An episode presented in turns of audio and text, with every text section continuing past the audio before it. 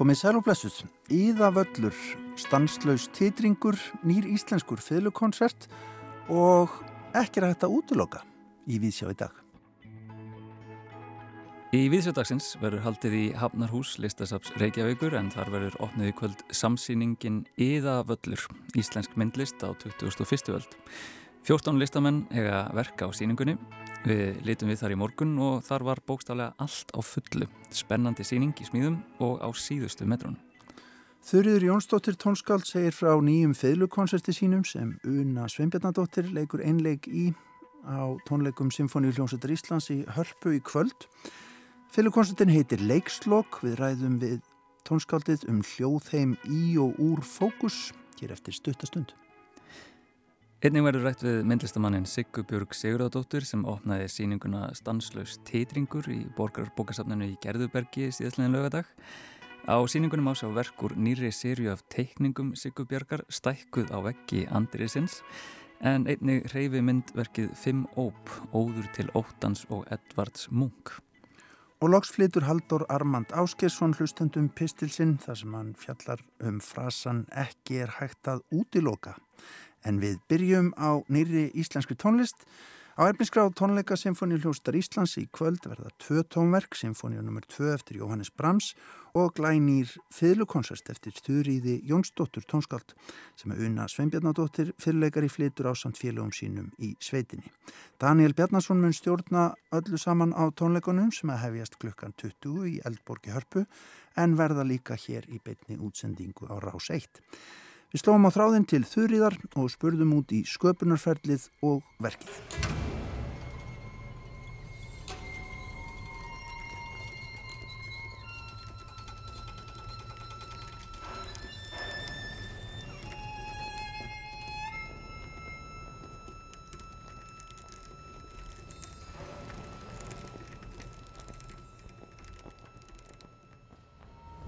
Þú ert einhvern veginn að tala um hvernig mann álgast það að gera konsert á í dag í nútímanum.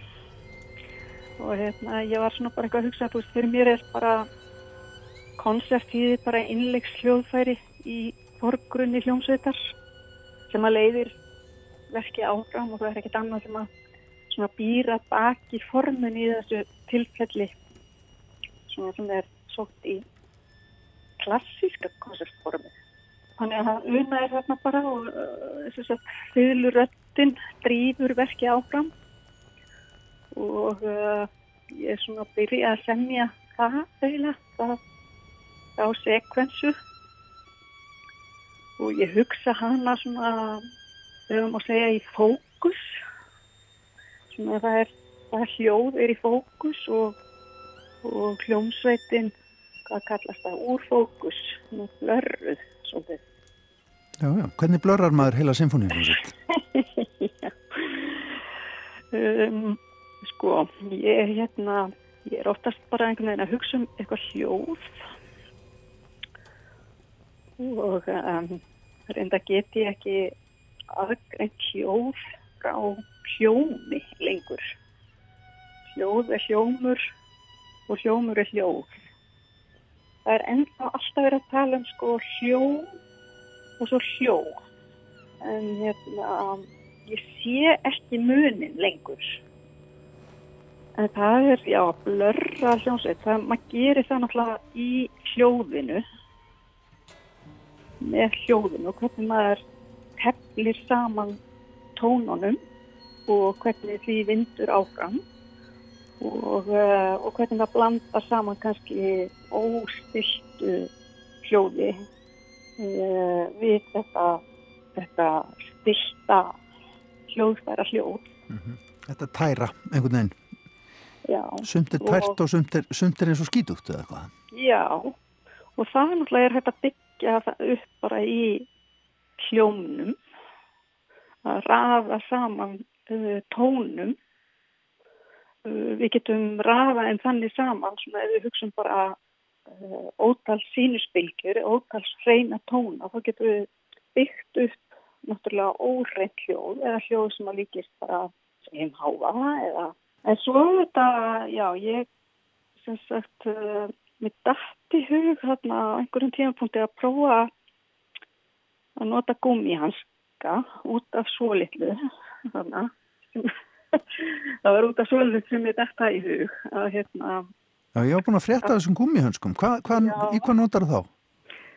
Það eru eiginlega sko ákveðin hljóðfæri í hljómsveitinni sem að spila á þá frekar en að að þeir sé að spila á hljóðfæri.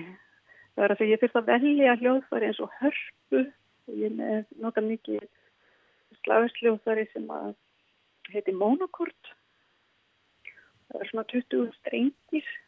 Þannig að þegar þú stringur hanskanum við röð af strengjum þá getur það náðu svolítið skemmtilegu og fallegu hljóði. Og það eru líka nokkur strengja hljóðfærin sem að, sem að spila á gummihanska. Jáhá. Hvernig líst fólkinu í symfóniuhljónstin að leika á gummihanska? Það finnst það mjög skemmtilegt. Sýnist mér. Hérna, já, já. já. Hvað getur þú sagt mér um titilverksins, leikslokk? Já, um, það var svona bara, það var svona einhver hugmynd, uh, þetta er ekki domstagsbá en uh, ég veldi fyrir mér bara svona hugmynd um framtíðina sem er, sem er ekki sérstaklega nýja eða frumleg. Það sem að mannkynnið hefur kannski tortinn sjálf sér og kannski öllu lífinu á jörðinu í leiðinu. Og það var kannski bara áhugavert fyrir mig að finna þessari hugmynd einhvern hljóðbúning og ekki verða náttúrulega að hafa heila symfóninsjónsveit og, og fyrirleikara til að hérna, byggja á. En svo fór nú þarna gjósa og og uh, þá fórum við strax að hugsa um að næla mér í, í hljóðmynd af því frá góðstöðunum. Mm -hmm. Ég fekk að Magnús Bergson til að hljóður þetta fyrir mig sem að reyndist nú ekkert svo einfalt því að það var gætna rók eða mikið rigning eða svo mikið af fólki. Mm -hmm. Þyr, þyrlur og drónar og, og allt það? Já, akkurat. En úr varð uh, hljóðbútur og hann byrti sem sagt í lokverksins og, og hljómar svona bara mjög náttúrulega út úr þessari svona þessum hljóðmassa sem er á ferðinni af það. Þú semur þennan konsert sérstaklega með unnu Sveinbjörnadóttur í huga. Það að vera með einn hljóðfarleikara, einn sólista í huga við það að skrifa skrifa konsert hefur það áhrif á, á hvert þú ferð?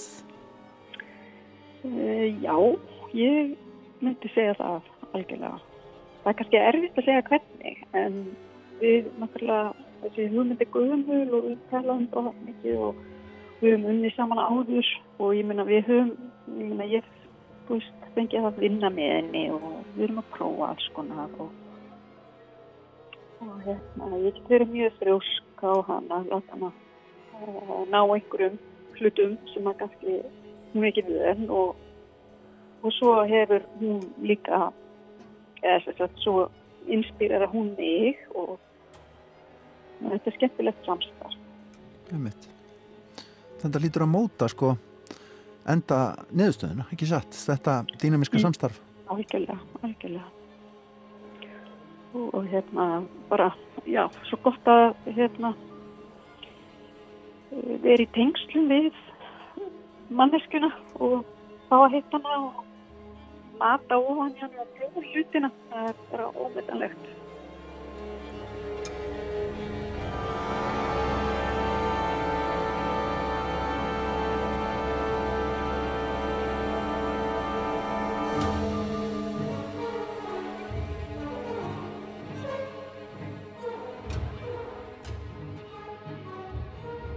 Nokkri tónar úr glænýjum fylgukonserti Þurriðar Jónsdóttur sem heitir Leikslokk og Unna Sveinbjörndóttir frumflittur á Sant Symfóníu hljónsitt Íslands í kvöld klukkan 20 á tónleikum í Hörpu undir stjórn Daniels Bjarnasonar en tónleikarnir verða líka hér í beitni útsendingu á Rás 1. En við höldum upp í Breitholt.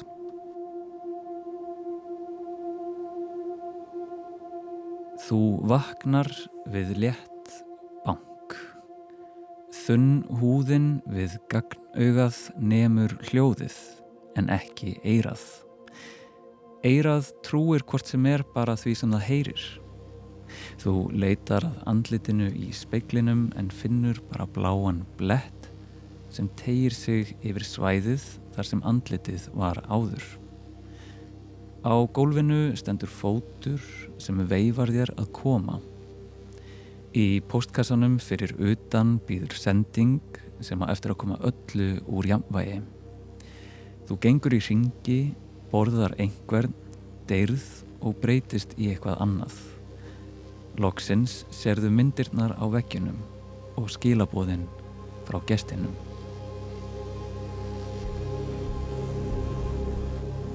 It's not what you look at that matters, it's what you see, sagði Henry David Thoreau. Svona hljóðar síningateksti síningarinnar stanslaus titringur sem Sigga Björg Sigurðardóttir listamæður opnaði í borgarbókasafninu Gerðubergi lögurdaginn 7. júni síðastliðin. Sigga Björg er sjónlistamæður sem vinnur fyrst og fremst með teikningar en býr einnig til innsetningar sem samanstanda af pappírstekningum, veggjatekningum, hreyfumyndum og skulptúrum. Í gegnum hömluleust og óriðt skoðað vinnuferli kannar hún mörkin millir mennskunar og hins dýrslega. Á síningunni Stanslaus titringur í Gerðubergi má sjá verk úr nýri serju af teikningum Sigubjargar stækkuð á veggi Andrisins en innan úr Andrinu er síðan gengið inn í sál þar sem reyfimyndaverkið Fimm Óp, Óður til Óttans og Edvard Munk tekur á mótið gestum á samt hljóðverki eftir Mikael Lind. Ég mælti mér mót við listamannin í Gerðubergi og spurði hanna út í síninguna. Og Sigga Björg, Sigurðardóttir, hvers konar teitringur er hér í gangi? Það er svona teitringur hér upp eftir öllum veggjum. Þetta er sem sagt, ég er búin að uh, mála hérna verk beint á veggina, engöngu. Þau eru unnin upp úr sériu af teikningum sem ég var að vinna núna bara síðan í byrjun árs. Það voru svona ákveð vinnuferli sem ég fer í þar sem ég teikna alveg ótrúlega mikið af myndum og án þess að reytskoða mig nokkuð.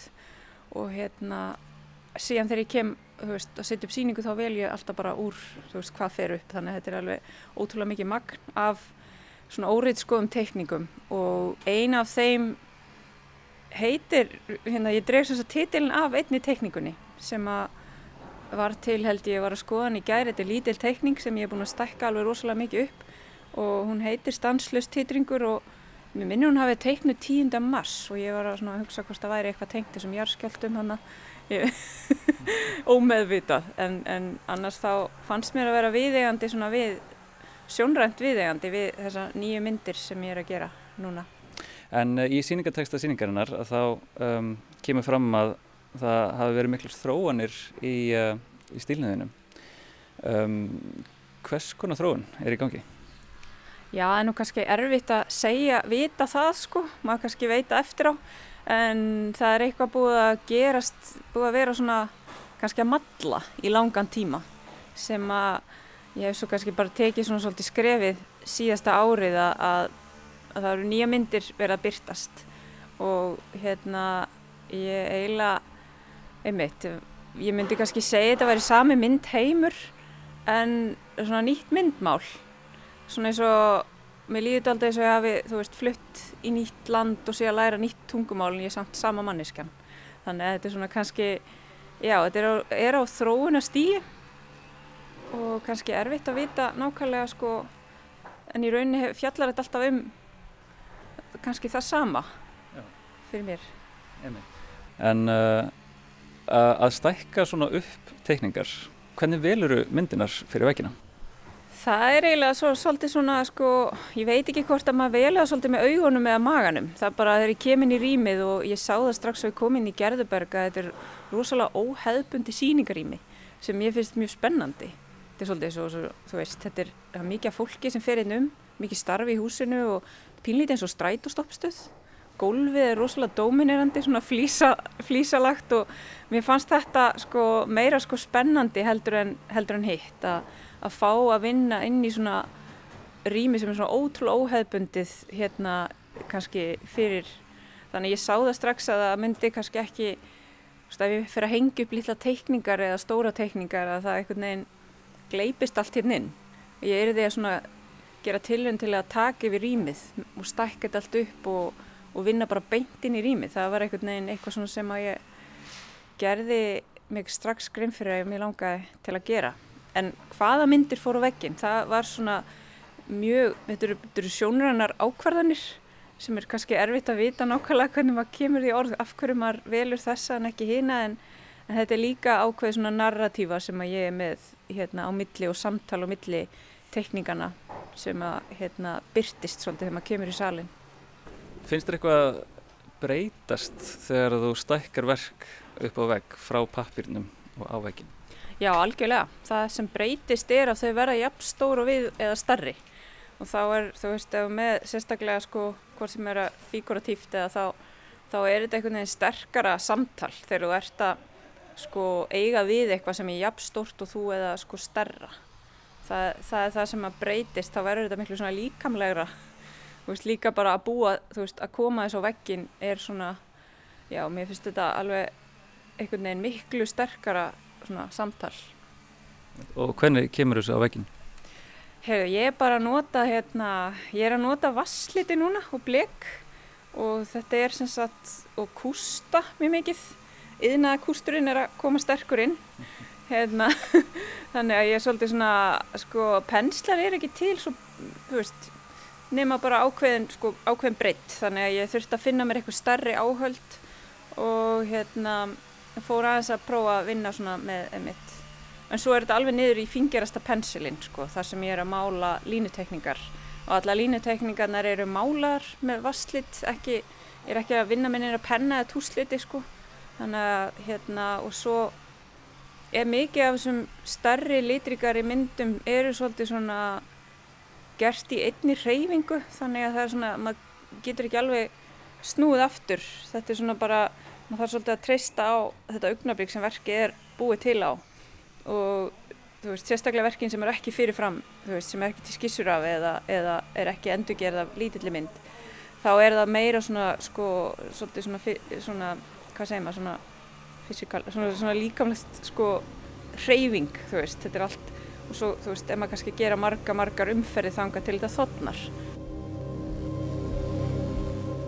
En já, hérna inn af síningunni er uh, vídeoverk uh, á skjá á móti fimm teikningum. Uh, getur þið sagt mér aðeins frá því? Já, þetta er svona verk sem er kannski í mínum huga aldrei skríti verk því ég, ég ætlaði í rauninni aldrei að sína þetta en svo er ég að því núna.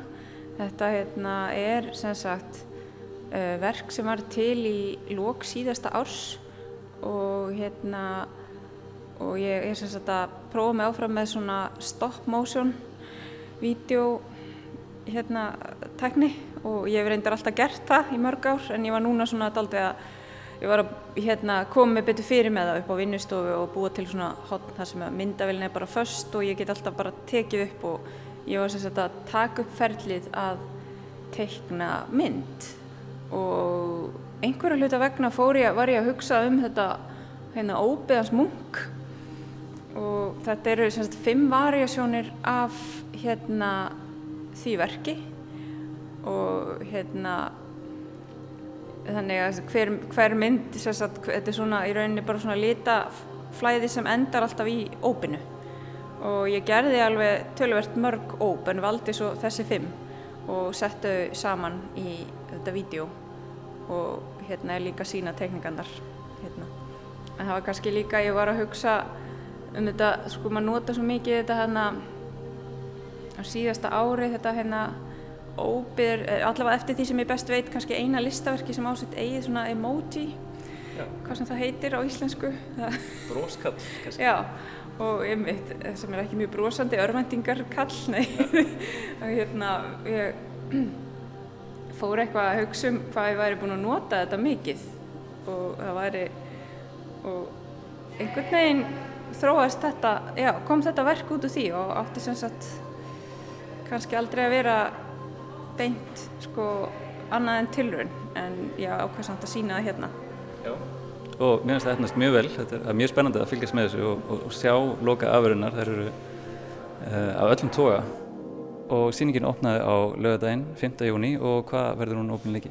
Hún stendur hérna í, til 13. ágúst og það er opið, húsið er opið allar virka daga til 6 þannig að já, það, það, hún stendur hérna næstum allt sumar.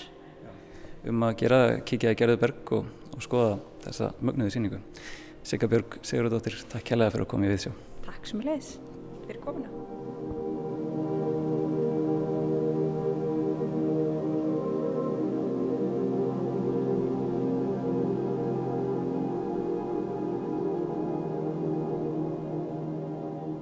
Sigga Björg Sigurðardóttir og stanslaus titringur í Gerðubergi. Hljóðverki þessari umfjöllun er eftir tónlistamannin Mikael Lind og er úr reyfi myndverkinu Fimm Óp, Óður til Óttans og Edvard Munk sem sínt er á síningunni. En þá fáum við pistil frá Haldóri Armand Áskessinni. Í dag flytur hann hlustendum hugleðingu þar sem hún fjallar um frasan ekki rægt að útiloka neitt.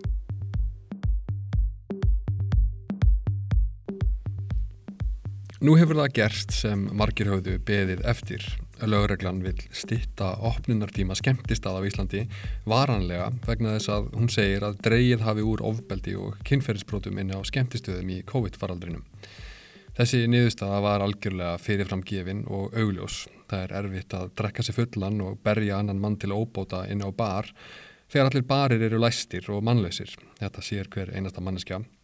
En ef við tökum þessa harfstjórnaríkis lógík einu skrefi lengra þá væru þetta lang best að djammið væri bannað vegna þess að þá myndi ekkert slæmt gerast á djamminu.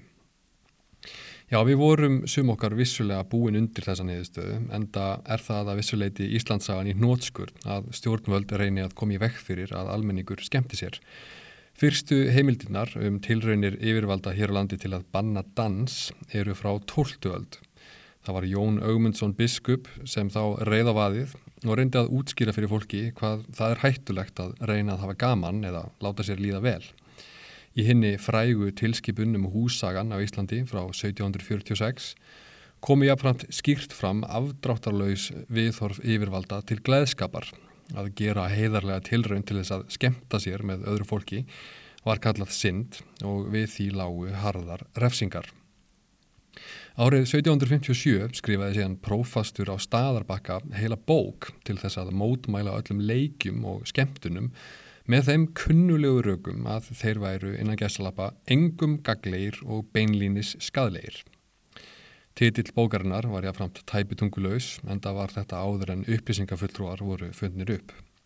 Mandúkus eða andmæli á móti heiðingja leikjum þeim sem nú týðkast, vikivökum og dansi, spilum og tabli, rýmum og veraldlegum ljóðmælum, lestri létt úðugra bóka og öðrum gagslausum atöfnum, studd við söguleg, guðfræðileg, biblíuleg, heimsbyggileg og löguleg rauk. Þetta er átjándu aldar útgáðan af sömuröndum og við heyrum í dag að vernda fólk frá djamminu er 2001. aldar útgáðan af því að banna dans. Í raun er allt til reyðu fyrir það að banna djammið hér á landi. Eina munaðarvaran sem er tilturlega ódýr á Íslandi er nammi. Reyndar er það alveg hreint furðulega ódýrt. Einn bjór á bar í Reykjavík kostar það sama á 14 kekspakkar í hagkaup. Sama gildur um parmesanost með þeirru 12 til 14 kekspakkar. Á Íslandi er það alveg reynd meiri háttar fjárrakslega ákvörðun að drekka áfengi eða ekki. Íslenskur hófdrykkjumadur getur eflaust farið langt með það að verð tryggja sig gegn hækkandi fastegnaverði með því einu að halda sig heima á kvöldin og spæna í sig 14 kekspakka upp í rúmi í stað þess að stunda þá gagslösu og beinlinis skadlegu yðju að reyna að hafa gaman, fá sér eitt bjór með vinnu sínum á bar og jafnvel Guð hjálp okkur stiga dans. Það sem vantar í draumkenda óra á lauruglunar um samfélag þar sem engin er á stjái eftir miðinætti er lögumál ófyrir sjánleira afleðinga. Ef þú vilt koma algjörlega í vekk fyrir átök þá er það að banna fólki að vera einn í sama herbergi. Tilkynningum um heimilisofbeldi fjölgaði talsvert í COVID og þunglindi, einmannalegi og geðræni vandamálum víðaveröld jökust til muna. Það þarf svo sem enga sérstakka snillikáfi til þess að geta þetta tilvunað af hverju. Það vantar líka allt innsæði það af hverju fólk vill yfir höfuð skemta sér, af hverju það vill sletta úr klöfunum og hefur innbyggða þörf fyrir það að deyfa hugsun sína öðru hverju og jafnvel gera eitthvað sem það myndi ekki gera í hádeginu og þriðudegi, eins og til dæmis það að drekka einum bjór of mikið, öskur syngja nínu út á götu og svo framvegis. Til hvers er djammið? Af lýsingum lögurlunar að dæma Gæti maður haldið að þetta sé fyrst og fremst vettvangu fyrir fólk til þess að láta limlesta sig og misnota. En djammið er fyrst og fremst leið samfélagsins til þess að losa um innri spennu. Það léttir fólk á þrýstingi, hristir úr sér kvíða og stress og hleypir um leið smá spennu og leindardómi, einhverju óvæntu inn í lífsitt. Það vita allir að það eru tölfræðilega meiri líkur á því að lenda í einhverju slæmu á djamminu en inn á borgarbókasafninu. En það vill líka enginn búa í leikskólalandi þar sem enginn hætta eða háski er til vegna þess að á svo óspennandi stað getur ekkert óvænt gerst. Á Íslandi er fullorðið fólk vant því að yfirvöld tali einlega alltaf við það eins og börn og gangi út frá því að það skilji ekki hvað þá sjá í gegnum einföldustu hluti. Djammið er að þýleti eitt síðasta víð, vinsamlegast, láti það í friði. En ef hugmyndin er að koma í vekk fyrir viðbyrði þar sem hætta þykir á ofbeldi og kynferðisbrotum, þá er næsta skref væntanlega að stoppa útíháttíður, vinnustadapartí, mentaskólaböll og svo framvegs. Ef stjórnvöld nota pláu til þess að skerða réttindi fólks og frelsi þess til að lifa lífinu eins og það sjálft vill, en dregur þessar skerðingar síðan ekki tilbaka, þá glata þau öllum trúveruleika.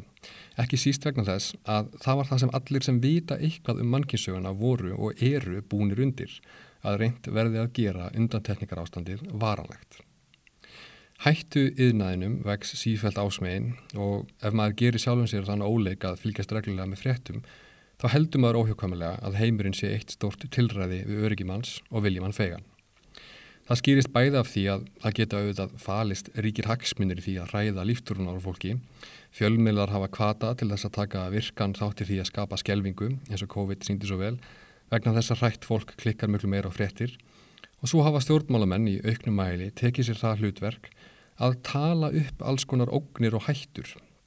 Vondir útlendingar eru þetta klassikin í dag sem þeir geta síðan verndað kjósendur sína fyrir vegna þess að þeir hafa enga stefnu, heimsbyggi eða framtíðarsín upp á að bjóða sem laðar fólk að kjörkassanum. Þess vegna er sífælt verið að vara mann við einhverju eða taka viðtölu fólk sem hefur ofsalega áhyggjur af einhverju og oftar en ekki gegnir þar líkil hlutverki frasinum að ekki sé hægt að útiloka einhverja hættu. Það sem einu sinni var kallað rók eða vindur heitir núna gul viðvörun og er þannig orðið að fréttaefni sem hægt er að fjalla um með dramatísku litakóðunarkerfi. Umfangsmikil margra mánað að vinna var lögði það að setja á laggir sambærlegt litakerfi út af COVID. Þegar það var tekið í gagnið var allt landið síðan alltaf raukt og núna er allt landið gullt og þú átt samkvæmt ofinbjörnum fyrirmælum að vera á varðbergi hvort sem þú ert í ásmundarsal, ein og bólusett upp á vatnajökli eða í göngutúrum melrakasléttu. Með þessu er ég ekki að tala gegn sóttvörnum en það sér það hver maður að þetta kerfi gegnir fyrst og fremst í hlutverki að elda skottið á sinni eigin innri eilíðar lógík um að ekkert sé hægt að útiloka og viðhalda þannig sjálfu sér. Það er til dæmis ekki möguleiki innan litakóðunarkerfisins að einn daginn kom upp ástand þar sem það sjálft er óþart. Lögreglan held í fram árið 2012 að það væru meiri líkur en minni á að hér á landi er þið framið hriðjuverk á borðið það sem gerðist í útei í Noregi og þetta átt að gerast á næstu 5-10 árum. Þessi yfir gengilegi spátumur átti á nokkuð svafa rót sína í þessari sömu hugsun um að ekki sé hægt að útiloka neitt. Eins var árið 2017 Óhyggað talaðum að hriðjiverkaóknin var að færast nær Íslandi þegar framinn voru ílverki í Svíþjóð og Breitlandi. Svona eins og hriðjiverkaókn sé staðbundið fyrirbæri sem færi sig lógist svona eins og fugglager millir staða eftir árstíðum.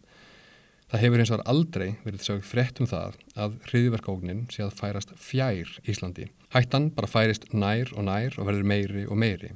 Á sama tíma heldur Ísland hins var áfram að vera og það með talsverðum yfirbyrðum örugasti staðurinn á plánitinu jörð að mati Global Peace Index. Það er hættustegi vegna eldgós á Reykjanesi og það er hætta af gósmengun. Það er hættulegt svifrik þarna úti og lífshættulegir flugaldar og það er líka óvissu og hættustegi vegna gróðuralda vitt og breytt um landið. Fyrir ekki svo löngu var ekki hægt að útiloka annan stóran skjálta Og þá skulum ekki gleyma hættunni sem stafar af svo kallari upplýsingaóreiðu og þessu nýja hugtaki í þjóðaröryggismálum sem kallað er fjölþáttaóknir. Allt er þetta eitthvað sem kallar augláslega á mótvægis aðgerðir með tilherrandi litagóðunarkerfum fyrir börn. Hlýtur svo ekki að koma því að einhver stýji fram með áhugir af því að rússar hafi afskipti af kostningunum til aðfengis í haust. Hver ætlar að ríða á vaðið?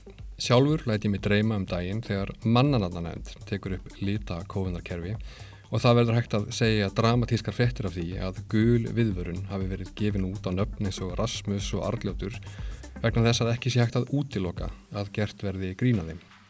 Hættan færist nær og nær, verum á Varbergi, alltaf, allstaðar og hnýpurum okkur saman undir rúmi í kvöld vegna þess að enginn getur sagt til um það hvað ekki verður hægt að útiloka næst.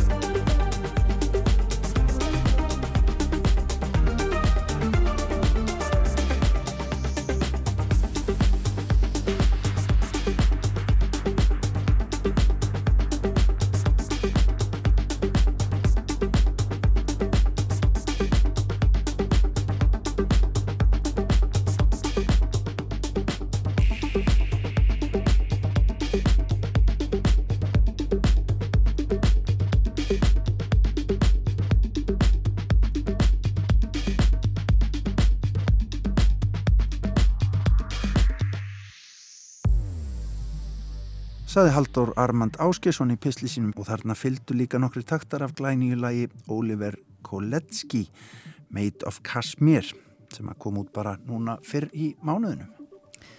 En þá líkur leiðin niður í Hafnarhús, listasafsreikjaugur, þar sem spennandi samsýning verður opnið í kvöld. Við vísjáðum komin í listasafn Reykjavíkur í Hafnarhúsið og hér er eiginlega allt á rú og stúi sé ég. Það er hérna starfsfólk bara nánast hangand upp í, upp í rjárum og mikil aksjóningangi. Það verður að setja upp stóra síningu sem heitir Íðavöllur og undirtitillin er nú ekkit smáis. Hann er bara sko myndlist á 21. öld. Hér hjá mér er Óluf Kristni Sigurðardóttir, sapstjóri og einn af þremur síningastjórum þessara stóru síningar sko bara við byrjum á undirtillinum af því að hérna ég þurfti alveg að kingja myndlist á 21. öld er það hugmyndin að, að segja okkur hér er þetta er staðan í dag? Já það er náttúrulega uh, fyrir ekki hjá því að, að þegar við veljum til samstags við okkur hérna, leiðandi myndlistamenn á, á, á svona, sem að standa á, toppinum á sínu ferli í byrjun 2001. aldar mm -hmm. þá erum við að gefa ákveðna mynd myndlist, íslensku myndlist á 2001. ald að sjálfsögðu er það ekki hinn endanlega mynd því að sjálfsögðu er, er alveg 80 ára eftir á þessu öll ímislega sem getur gerst og vonandi gerist Það er hérna 14 listamanna hópur sem er til grundvallar bara það verkefni að velja svona inn takkmarka sig við 14 manns, er það ekki bara líka meira átt að mál? Jú, það var áskorun að eh, og við raunin nálguðust þetta með heilmiklu samtali bæði hér innan hús og, og svo leituðu við í, í hérna brunna utan hús og til þess að eiga þessu samtali við okkur og svona aðeins greina það hvað væri helst í gangi. Og komist náttúrulega þeirri niðurstuð að, að íslenski myndlistamenn og myndlist samtímas fjallar leit, mjög mikið um samfélagi mikið um hérna, umhverfið sitt og umhverfið og komist líka því að það er mikil fjölbreytning gangi. Og ákvaðum í rauninni í þessu ferli að nálgast verkefnið út frá sköpunarkraftinu því sem að hérna, myndlistamennir standa fyrir sem er sem sagt að, að sína okkur nýja hugsun eða nýja nálgun við gamla hugsun. Mm -hmm. títillin endur speklar það. Það er að segja að, að við erum að vísa til hérna goðafræðinar og og völusbár og hér er yðavöllur, hér er völlur eins sem þar sem að góðinn komur saman til þess að skapa heiminn og síðan að endurskapa hana ragnar ökum loknum. Það er heldur betur vísanir. En þetta lítur að hafa verið spennandi verkefni að setja saman og ákveða líka hvernig listamennir koma hérna saman. Þeir fáta aldrei mikið pláss í, í húsinu og það sem maður kannski, af því að hlustundur heyra nú alveg hvað, hvað eru mikið læti hérna baka okkur, uh, að hérna, það er búið að snúa allir við. Það er búið að loka aðalenganginum, maður gengur allt annar staðar inn í húsið. Þeir eru bara búin að hrista upp í rýminu. Sko það má alveg sko, líta svo á sem að sé ákveðin ragnarök í gangiðinu hérna fyrir utan. En, en hérna við eh, tókum svolítið afstöðu þegar við gerum okkur grein fyrir því fyrir meirinn ári síðan að það yrði, yrði ákveðin umstang í gangiðina í, í gödunni að, að nýta okkur það bara til, til þess að bjóða fólki upp og að nálgast úr sig á nýjan hátt. Aðeins að svona taka fólk út úr þægindarammanum og aðtuga hvernig, hérna, hvernig nálgunin við verkin væri eftir það bara að þú ert búin að fara í kæðin gegnum völundarhús miðborgarinnar til að komast inn í porti og sjá hvernig, svona, hvernig það virkaði bara til þess að, að, að reyfa við hlutum.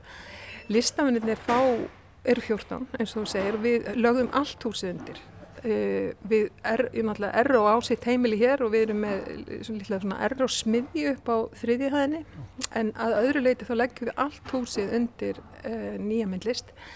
Það eru ný verk eftir alla listamennina og stórar innsetningar í, í meiri hluta þannig að þetta er búið að vera átak en ótrúlega gefand og skemmtilegt Ég ætla bara að leggja stað uh, svona í smá ferðalag en að ná í einhverja listamenn sem ég skilst að sé að hérna, setja verkin sín hérna en bara ég spyr því kannski að lokum Óluf sko, hvað sína á að vera til hér?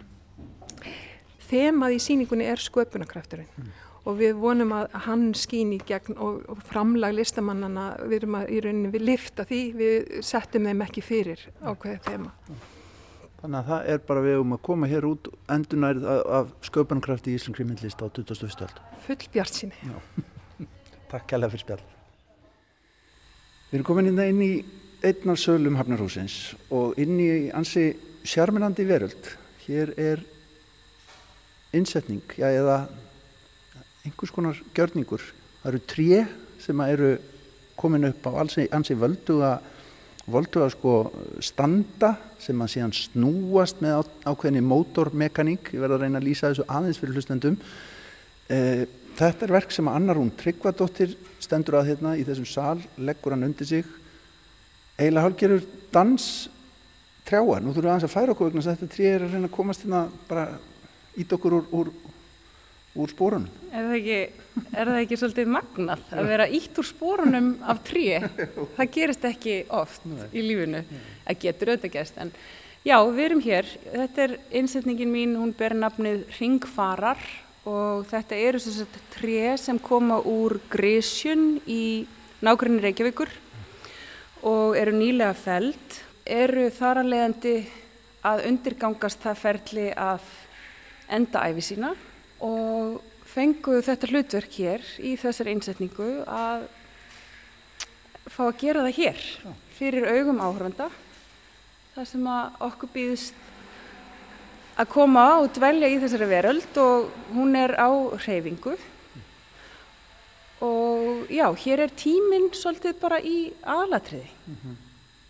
Þau snúast hægt og rólega, þau eru mis hvað maður segja, lífleg hér fyrir framann okkur eru tvö bara dökk og nánast brunnin mm -hmm. og kannski brunnin er þetta, er, er þetta eitthvað sem fór í brunnanum um daginn kannski? Já, þetta eru tríu sem að koma úr þessi tríu koma þaðan sko þau voru bara öll uh, já, þau, þau endur lífsitt í brunnanum um daginn en standa náttúrulega og standa upp frá og, og þessi koma úr grísun þaðan já. og önnur úr annars konar grísun þar sem að tilveru þeirra var ekki lengur óskað. Það er mitt með það að þetta eru kannski börnin sem við viljum ekki. Já, ég minna við erum stanslust að eiga í svona valda baróttu eða valdastruktúr gagvart náttúrunni og við, við umgangum stanna auðvitað ofta á hátt þar sem við erum að taka ákvarðanir um að við gerum það eiginlega hverjum degi með öllum okkar gjörðum að taka ákvarðanir sem að með beinum eða óbeinum hætti varða einhvers konar valdakerfi gagvart náttúrunni mm. og það er einhver ótrúlega líka fegur í því og mikilfenglegi að fá að verða vittni að af þessu ferli. Þetta er eitt, þetta er nú bara náttúran, þetta er náttúran. Svo faraðu, maður, af því að maður horfir hérna á e, sko, eitt sem er, til dæmis er út í vegg núna og það er svona hyggstar í reyfingunni. Það er nánast eins og, það er nánast eins og karakter segir það er, þau verður eins og karakterar. Já, ég er alveg að vinna Í með, dansi eða eitthvað, já. ég er alveg að vinna með, sko, alla jafna líka bara vinn ég með það að búa til gjörning úr eh, oft náttúrulegum einhvers konar fyrirbærum eða lífverum eða, já, og hér eru, ég er alveg að vinna aktíft með það að búa til ákveðna spennu í rýminu í gegnum innan performance, þarna sérðu Jésús, ég byrja aftur þarna sérðu á þessu svartatriða sem er núna rekast utan í súluna það bara er að skilja eftir sig svartan ring allstaðar þar sem það rekst utan í og þau rekast utan í hvort annað þannig að það er ákveðin já, þetta er náttúrulega bara ákveðin kóreografía hér í rýminu já. Svona spenna sem Já. þarf að vera. Akkurat Og svo verðum við að minnast á þessar ótrúlegu lykt sem er þinni. Já, einmitt sko, lyktin er, uh, hún er ótrúlega sterk og það er nánast þess að ganga á vegg að koma hérna inn. Og ég held hún sé að hafa alls konar áhrif á líkamanna sem að verða hérna inni á meðan að trían eru að losa öll þessi bóðefni út í loftið eins og þú finnur þér út út í skógi, það er bara marg sannað og sínt að lauf, til dæmis þegar lauf er að koma á trían á vorin og svo þegar þau fella lauf á haustin þá losa þau bóðefni út í umhverju sitt sem er sko sérlega heilandi. Heldur betur. Við þurfum að fara, ég, ég ætla allavega út í skó um helgina. En takk kærlega fyrir spjall. Takk sem leiðis.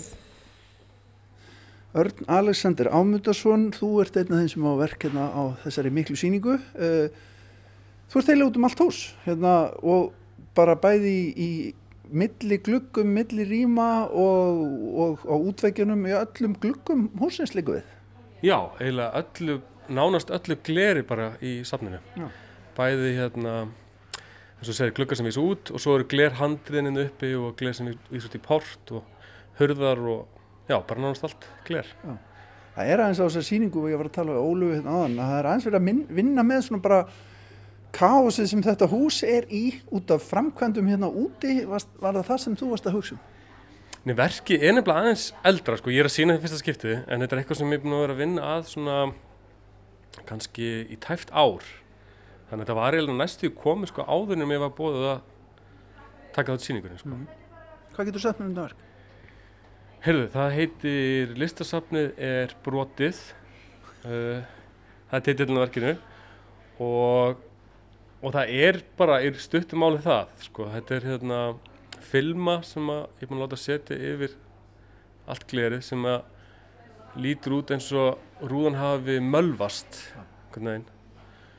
Og það sé svolítið verið að plástra það einhvern veginn. Það er búin að setja svona hvítt og raukt teip sem við tengjum kannski svolítið við eitthvað svona eitthvað sem er ónýtt eða brotið eða varúð kannski. Aha. Og teipa það svona eins og sé svolítið verið að redda einhvern veginn, halda þessu saman í mómentinu.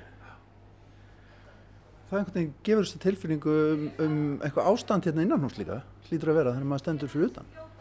Já, ég hugsa maður um þetta þegar maður hérna, ef maður fer ringir kringum hús og sér þetta allstaðar þá fyrir maður að halda eitthvað eitthvað alvarlegt sé að hérna. En þú ert á þessum mörgum inni úti hérna listin, við erum hér í ríkidæmi list, listarinnar innan hús. Já, algjörlega, þetta er hérna það er spurning hversu lengi þessar framkvæmdi verða, ég veit ekki hvernig traffíkin er um hérna tryggagötuna, en að margir sem sjá þetta sem keira hérna kalkopsveg, nei hvað er þetta? Já, akkurat, sem er Já. hérna við hafnamegin. Hafnamegin, já, Já. þá er þetta svolítið margir sem sjá svo stóru glugga hérna, þannig að ég er að vonast þess að það svona grípi auga akandi fólks. Svo er þetta aldrei merkilegt að við horfum hérna á eina stærstu rúðunni í húsinu, hérna á kaffistaðnum sem er hérna uppi og hún er í alvörunni brotin. já, hún er að brotin í alveg nokkuð mörg ár og einmitt margir þegar maður vinna inn í húsinu og spyrja hvort ég myndi ekki öll að teipa yfir þessa sprungu Já. en ég, það er svo margir sem báðum um að það kom einhver reppel í mér en ég ákveði að gera það ekki sko. Já, hún kemur skín í gegn. já, akkurat, hún fær að vera þarna sko. Öruglega einhver rúða sem að, já, setur, hérna, þarf að fara inn á fjárhærs áallum sapsins alveg mjög rækilega að það fá að skipta, skipta um hana. alveg pottið, það sagði mér einhver að þetta væri hérna, ekki framleitt á Íslandi svona gler, þetta pantaði utan þetta er örugglega einhver svaka aðgerð sko. Við erum konin í D-salin í Hafnarhúsinu. Hildigunni Birgistóttir er hér eitthvað að eiga við veggina, búin að reka mig úr skónum, ég er komin á sokkalestunar, ræla fínt og glansandi hjá þér gulvið, en vegginir er eitthvað hálf sjúskaður. Þú ert eiginlega að sjúska þá, sínist mér. Já, ég hérna, er með reynd gólf og skýtuða veggi á þessari síningu. Þetta verk held ég heiti Misplaced Graffiti á ennsku og bara Graffiti á íslensku. Heldur að, heldur að heiti? Já, það, þú veist, þetta er svo nýtt. Mamma, ekkert koma að skýra hlutina. Jú, ég held að það var enda þar. Ok. Þetta er svona bara affallsvatn sem að kemur, eh, sem er svona óheppileg eh, afurð þegar þú þrýfur veggiðinn heimahöður eh, sem einhver óprútin aðili hefur graffað á. Já. Þetta er svona veggjakrót, uppleist veggjakrót. Þetta er upplýst veggjakrót. Útskýra aðeins fyrir mér hvað þú ert nákvæmlega að gera hérna. Með sko, svamp og þú ert með pensla Já. og þú ert með tusku Já. og ert svona að fara yfir veggina til þess að hvað? Sko núna er, ég sko löngu búin að setja þetta verk upp en svo hef ég bara ómikinn tíma því núna er ég að býða eftir að merkingarnar fari upp. Þannig að ég er svona bara eiga við þá hér og þar. Þetta er svona hálgjert sko leikmyndastús, svona propsvinna held ég. En ég er bara svona að nota tíman og ditta að það sem að mér finnst vera einhver helgidagur og aðeins að hérna láta hennar verðmið að poppa meira út. Og ef maður rekur nefið í sko veggina þá er alls konar svona óreinnindi og það eru svona strá og skítur á veggjanum. Málningaflixur svona. Múrbrot, einhver pínlítil. Sko hvaðan kemur efni, efni viðurinn? Ég, Ég er sem sagt búin að vera eldamann uh, eða eldafyrirtæki sem heitir Allt Af sem var, sem var hinn möguleikin á titli Allt Af, Ég skil. Alltaf Allt Af um, og ég eldi hann með yðnaðaríksöndum mína og fæ að sjúa upp affallið áður en það rennur út í sjó ég skýtur er náttúrulega bara hlutur sem var einu sinni einhver staðar og er núna farin annað og núna er hann komin inn á safnið fyrir okkur að horfa þú ert í alveg búin að sapna skít og ert að setja hann upp á vegg. Já, ekki bara hvað skýt sem er, heldur nákvæmlega þessum kemíska fallega varslit Já. sem að mér fannst eiga erindin á sopn. Gerði það verkum vegna þess að lýsingin er það mjög sterk og ákveðin. Það eru hérna flúor, flúrosent pelur upp í lofti. Þannig að það verður svona einhver daldi fallegur brún bleikur litur á vegginum með síðan þessu, þessum hérna fliksum öllum. Já, sko ástæðan fyrir því er einföld. Það er svo að bleikur og rauður í graffiti er mjög sterkur litur þannig að hann litar, tekur yfir en þess utan að þá voru bara, það var mikið verið að taka í bleiku þannig ég fekk í raun og veru nánast bara bleikt og fjólublátt vatn út úr þessum hérna, söfnunarferðum mínum. Hvað finnst, hvað finnst þér um sko graffiti? Mér finnst graffiti bara að vera hluti af samfélaginu. Þetta er bara eitt af þessum byrtingamyndum, útfelling, einhvern veginn hvernig við erum sem samfélag. Og hefur nú ekki drúslega miklu skoðun á graffiti sem slíku.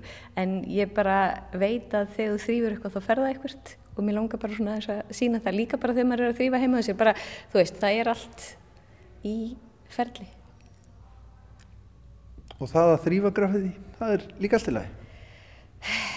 Það er bara enn á aftur, það er bara samfélagið, þú veist, það er einhver ofinbjörn stopnun sem vill ekki hafa þetta á hurðinni sinni og svo málar hún nefið og svo kemur ykkur aftur og setur meira graffiti á það.